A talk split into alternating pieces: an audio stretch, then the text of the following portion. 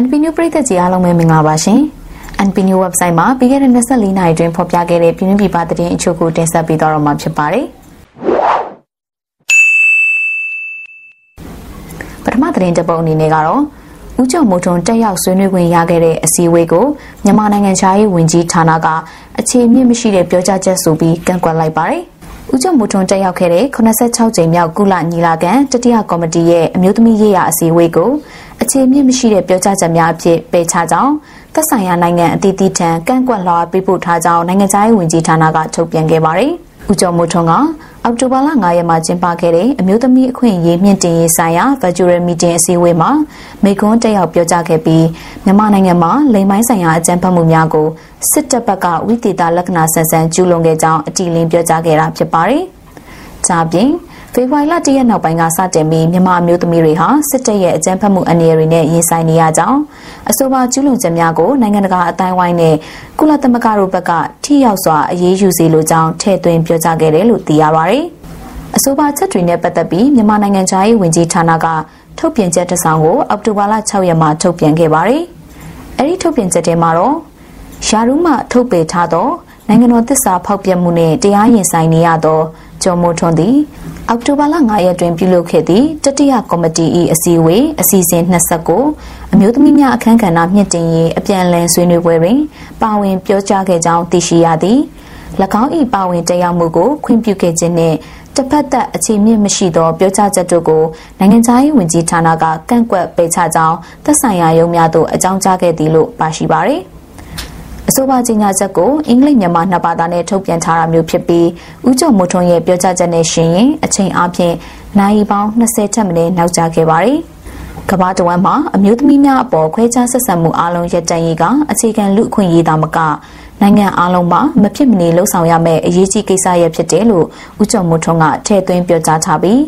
မြန်မာကိစ္စမှာမူစစ်တပ်ကိုဦးတည်ပြောဆိုထားတာကိုတွေ့ရပါတယ်။နောက်ထပ်သတင်းတစ်ပုဒ်အနေနဲ့ကတော့ တရုတ်ပြည်သို့တင်ပို့ဖို့စောင့်ဆိုင်းနေတဲ့မြန်မာကုန်ပစ္စည်းတွေဟာတွဲကားအစီးရေ2000ခန့်ရှိနေပြီးနေဆက်ဂိတ်တွေပြန်လည်ဖွင့်လှစ်ပေးဖို့အတွက်ကုန်သည်တွေဟာမျှော်လင့်စောင့်ဆိုင်းနေကြရတယ်လို့သိရပါတယ်။တရုတ်မြန်မာနယ်စပ်ကုန်သွယ်ရေးဂိတ်များကိုပိတ်လိုက်တဲ့အတွက်ကြောင့်တရုတ်ပြည်သူတင်ပို့ဖို့စောင့်ဆိုင်နေတဲ့မြန်မာနိုင်ငံထွက်ကုန်ပစ္စည်းတွေဟာတွဲကားအစီး2000ခန့်စာရှိနေပြီးကုန်သည်များအနေနဲ့ကတော့နယ်စပ်ကုန်သွယ်ရေးဂိတ်များအမြန်ဆုံးပြန်လည်ဖွင့်လှစ်ဖို့မျှော်လင့်နေကြရတယ်လို့သိရပါတယ်။ ကိုဗစ်ကုသရေးစင်တာကိုမူဆယ်105မိုင်မှာအောက်တိုဘာလ1ရက်ကစတင်ဖွင့်လှစ်ခဲ့တာဖြစ်ပြီးအဆိုပါစင်တာစတင်ဖွင့်လှစ်လိုက်တာကမြန်မာတရုတ်နေဆက်ကုန်သွယ်ရေးလုပ်ငန်းများပြန်လည်စတင်နိုင်ဖို့အတွက်မျှော်လင့်ချက်တစ်ခုလည်းဖြစ်တယ်လို့မူဆယ်စံတဘာကုန်စည်တိုင်းမှာဒုဥက္ကဋ္ဌဦးမင်းသိန်းကပြောပါတယ်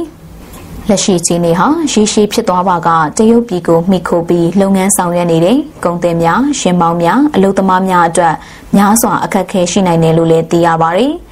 ဇူလိုင်လ10ရက်ကလေးကမြန်မာတရုတ်နယ်စပ်ကုန်သွယ်ရေးများကိုပိတ်လိုက်တာကြောင့်မြန်မာနိုင်ငံမှာတရုတ်တို့တင်ပို့မဲ့စံစကွဲပဲဒီဇိန်အပါအဝင်အခြားကုန်စည်များကို105မိုင်ဂိုတောင်မူဆယ်ဂိုတောင်ကျင်းစန်းကျော့ဂိုတောင်တို့မှာပြန်လည်ချထားရကြောင်းနယ်စပ်ကုန်သွယ်ရေးများပြန်လည်စတင်ခွင့်ရပါကအဆိုပါကုန်စည်များကိုဦးစားပေးတင်ပို့ရမှာဖြစ်ပြီးအချိန်အပြင်15ရက်ခန့်ကြာမြင့်နိုင်တယ်လို့လည်းသိရပါတယ်။ ဒါအပြင်ကျင်းစန်းကျော့ဂိတ်မှာလည်းပြီးခဲ့တဲ့နှစ်လခန့်ကလေးကတန်းစီနေတဲ့ကုန်ကားအစီးရေ90ခန့်ရှိသေးတယ်လို့လည်းသိရပါတယ်။ NPN website မှာဖော်ပြခဲ့တဲ့နိုင်ငံတကာသတင်းတစ်ပုဒ်အနေနဲ့ကတော့ထိုင်းနိုင်ငံမှာ10နှစ်အတွင်းအဆိုးရွားဆုံးရည်ကြီးမှုကြီးဖြစ်ပေါ်နေတယ်လို့သိရပါတယ်။ ထိုင်းနိုင်ငံမှာအောက်တိုဘာလ6ရက်နနက်ပိုင်းကစတင်ပြီးမုတ်တုံမိုးတဲထန်စွာရွာသွန်းခဲ့တာကြောင့်10နှစ်အတွင်းအဆိုးရွားဆုံးရည်ကြီးမှုဖြစ်ပေါ်ခဲ့ပြီးထိုင်းနိုင်ငံရဲ့တမိုင်းဝင်မြို့တစ်မြို့ဖြစ်တဲ့ရုတ်တရာမြို့ရှိဖျားစီဒီပထိုးတွေဟာရင်းနှီးမြုပ်ခဲ့တယ်လို့သိရပါတယ်။ရည်ကြီးမှုကြောင့်ရှေးဟောင်းဗုဒ္ဓဘာသာစီရီပထိုးများတမိုင်းဝင်အပြက်အစီးအထိမ့်မှတ်နေရာတွေဖြစ်တဲ့အယုတ်တရားရှိဖျားစီဒီပေါင်း40ကျော်ထိခိုက်ခဲ့ရကြောင်းမြို့တော်အုပ်ချုပ်ရေးအဖွဲ့ကဆိုပါတယ်။ Western Trail ဘုံကြီးကျောင်းတစ်ခုမှာတန်ဃာတော်တွေဟာလူတယောက်ရဲ့ပေါင်အထိနှက်တဲ့ရေအနက်နဲ့လေပင်အထိနှက်တဲ့ရေအနက်မှာလှီနဲ့သွားလာခဲ့ရတယ်လို့လည်းသိရပါတယ်။ဒါဟာဆယ်နှစ်အတွင်းအဆိုးရွားဆုံးရည်ကြီးမှုပဲလို့အဆိုပါဘုန်းကြီးကျောင်းမှဘုန်းကြီးတစ်ပါးကမိန့်တော်မူခဲ့ပါတယ်။အပူပိုင်းမုန်တိုင်းဒီရမူဟာထိုင်းနိုင်ငံပြည်နယ်86ခုမှ32ခုကိုလျှက်တပြက်ရည်ကြီးမှုဖြစ်စေခဲ့ပြီးလူ9ဦးသေဆုံးစေခဲ့ပါတယ်။ အိမ်တော်စု3000နီးပါးကိုလည်းထိခိုက်စေခဲ့ပါတယ်။အာဏာပိုင်တွေကရဲတပ်တပတ်နှစ်ပတ်အတွင်းနိုင်ငံတော်ဝန်ရည်ကြီးမှုသတိပေးချက်များထုတ်ပြန်ထားတယ်လို့လည်းသိရပါတယ်။အောက်တိုဘာလ6ရက်ကအယုဒ္ဓယအပါဝင်ပြည်내16ခုမှာရေလွှမ်းနေစေဖြစ်ပြီးလာမယ့်သတင်းပတ်မှာနိုင်ငံအရှိမြောက်ပိုင်းကိုဦးတည်လာနိုင်တဲ့နောက်ထပ်အပူပိုင်းမုန်တိုင်းတစ်ခုဖြစ်လာနိုင်တယ်လို့အာဏာပိုင်တွေကသတိပေးထားကြပါတယ်။နောက်ထပ်သတင်းတစ်ပုဒ်အနေနဲ့ကတော့ ဩစတြေးလျနိုင်ငံရှိ Allen စေဝါဖြန့်ဖြူးရေးကုမ္ပဏီထုတ်ကိုဗစ်စမ်းသပ်စစ်ဆေးရေးကိရိယာဟာစစ်ဆေးချက်အမှားတွေကိုထွက်ခဲ့တာကြောင့်ပစ္စည်းတွေကိုပြန်လည်သိမ်းခဲ့ရတယ်လို့သိရပါတယ်။ဩစတြေးလျနိုင်ငံရှိယောဂရှာဖွေစမ်းသပ်ရေးကိရိယာများထုတ်လုပ်ဖြန့်ဖြူးရေးကုမ္ပဏီ Allen ကမကြသေးမီက၎င်းတို့ရဲ့ကိုဗစ်စမ်းသပ်ကိရိယာတွေကမှားယွင်းတဲ့ positive ရလဒ်များထွက်ရှိခဲ့တဲ့အတွက် COVID-19 စစ်ဆေးမှုကိရိယာအချို့ကိုပြန်သိမ်းယူခဲ့ရတယ်လို့သိရပါတယ်။ Allen ရဲ့အိမ်တွင်းကိုဗစ်စမ်းသပ်ကိရိယာများကို2020ခုနှစ်ဒီဇင်ဘာလကအမေရိကန်ကျန်းမာရေးထိန်းချုပ်မှုမှအရေးပေါ်အသုံးပြုခွင့်ခွင့်ပြုခဲ့တာဖြစ်ပြီးကုမ္ပဏီရဲ့ virus စမ်းသပ်ကိရိယာတွေကကိုဗစ်ပိုးမရှိသူကိုကိုဗစ် positive ဖြစ်နေကြောင်းမှားယွင်းဖော်ပြခဲ့တာမျိုးဖြစ်ပါတယ်။အမေရိကန်အစားအစာနဲ့ဆေးဝါးကွက်ကဲမှုဦးစီးဌာနကကုမ္ပဏီရဲ့နောက်ထပ်ကုန်ထုတ်လုပ်မှုစစ်ဆေးမှုကိုအကဲဖြတ်ဖို့နဲ့ မှန်ကန်တဲ့ထုတ်လုပ်မှုအဆင့်များကိုစစ်ဆေးဖို့ဆောင်ရွက်နေတယ်လို့လည်းပြောကြားခဲ့ပါတယ်။အောက်တိုဘာလ၁ရက်ကကြီးညာချက်မှာ Allen ကုမ္ပဏီက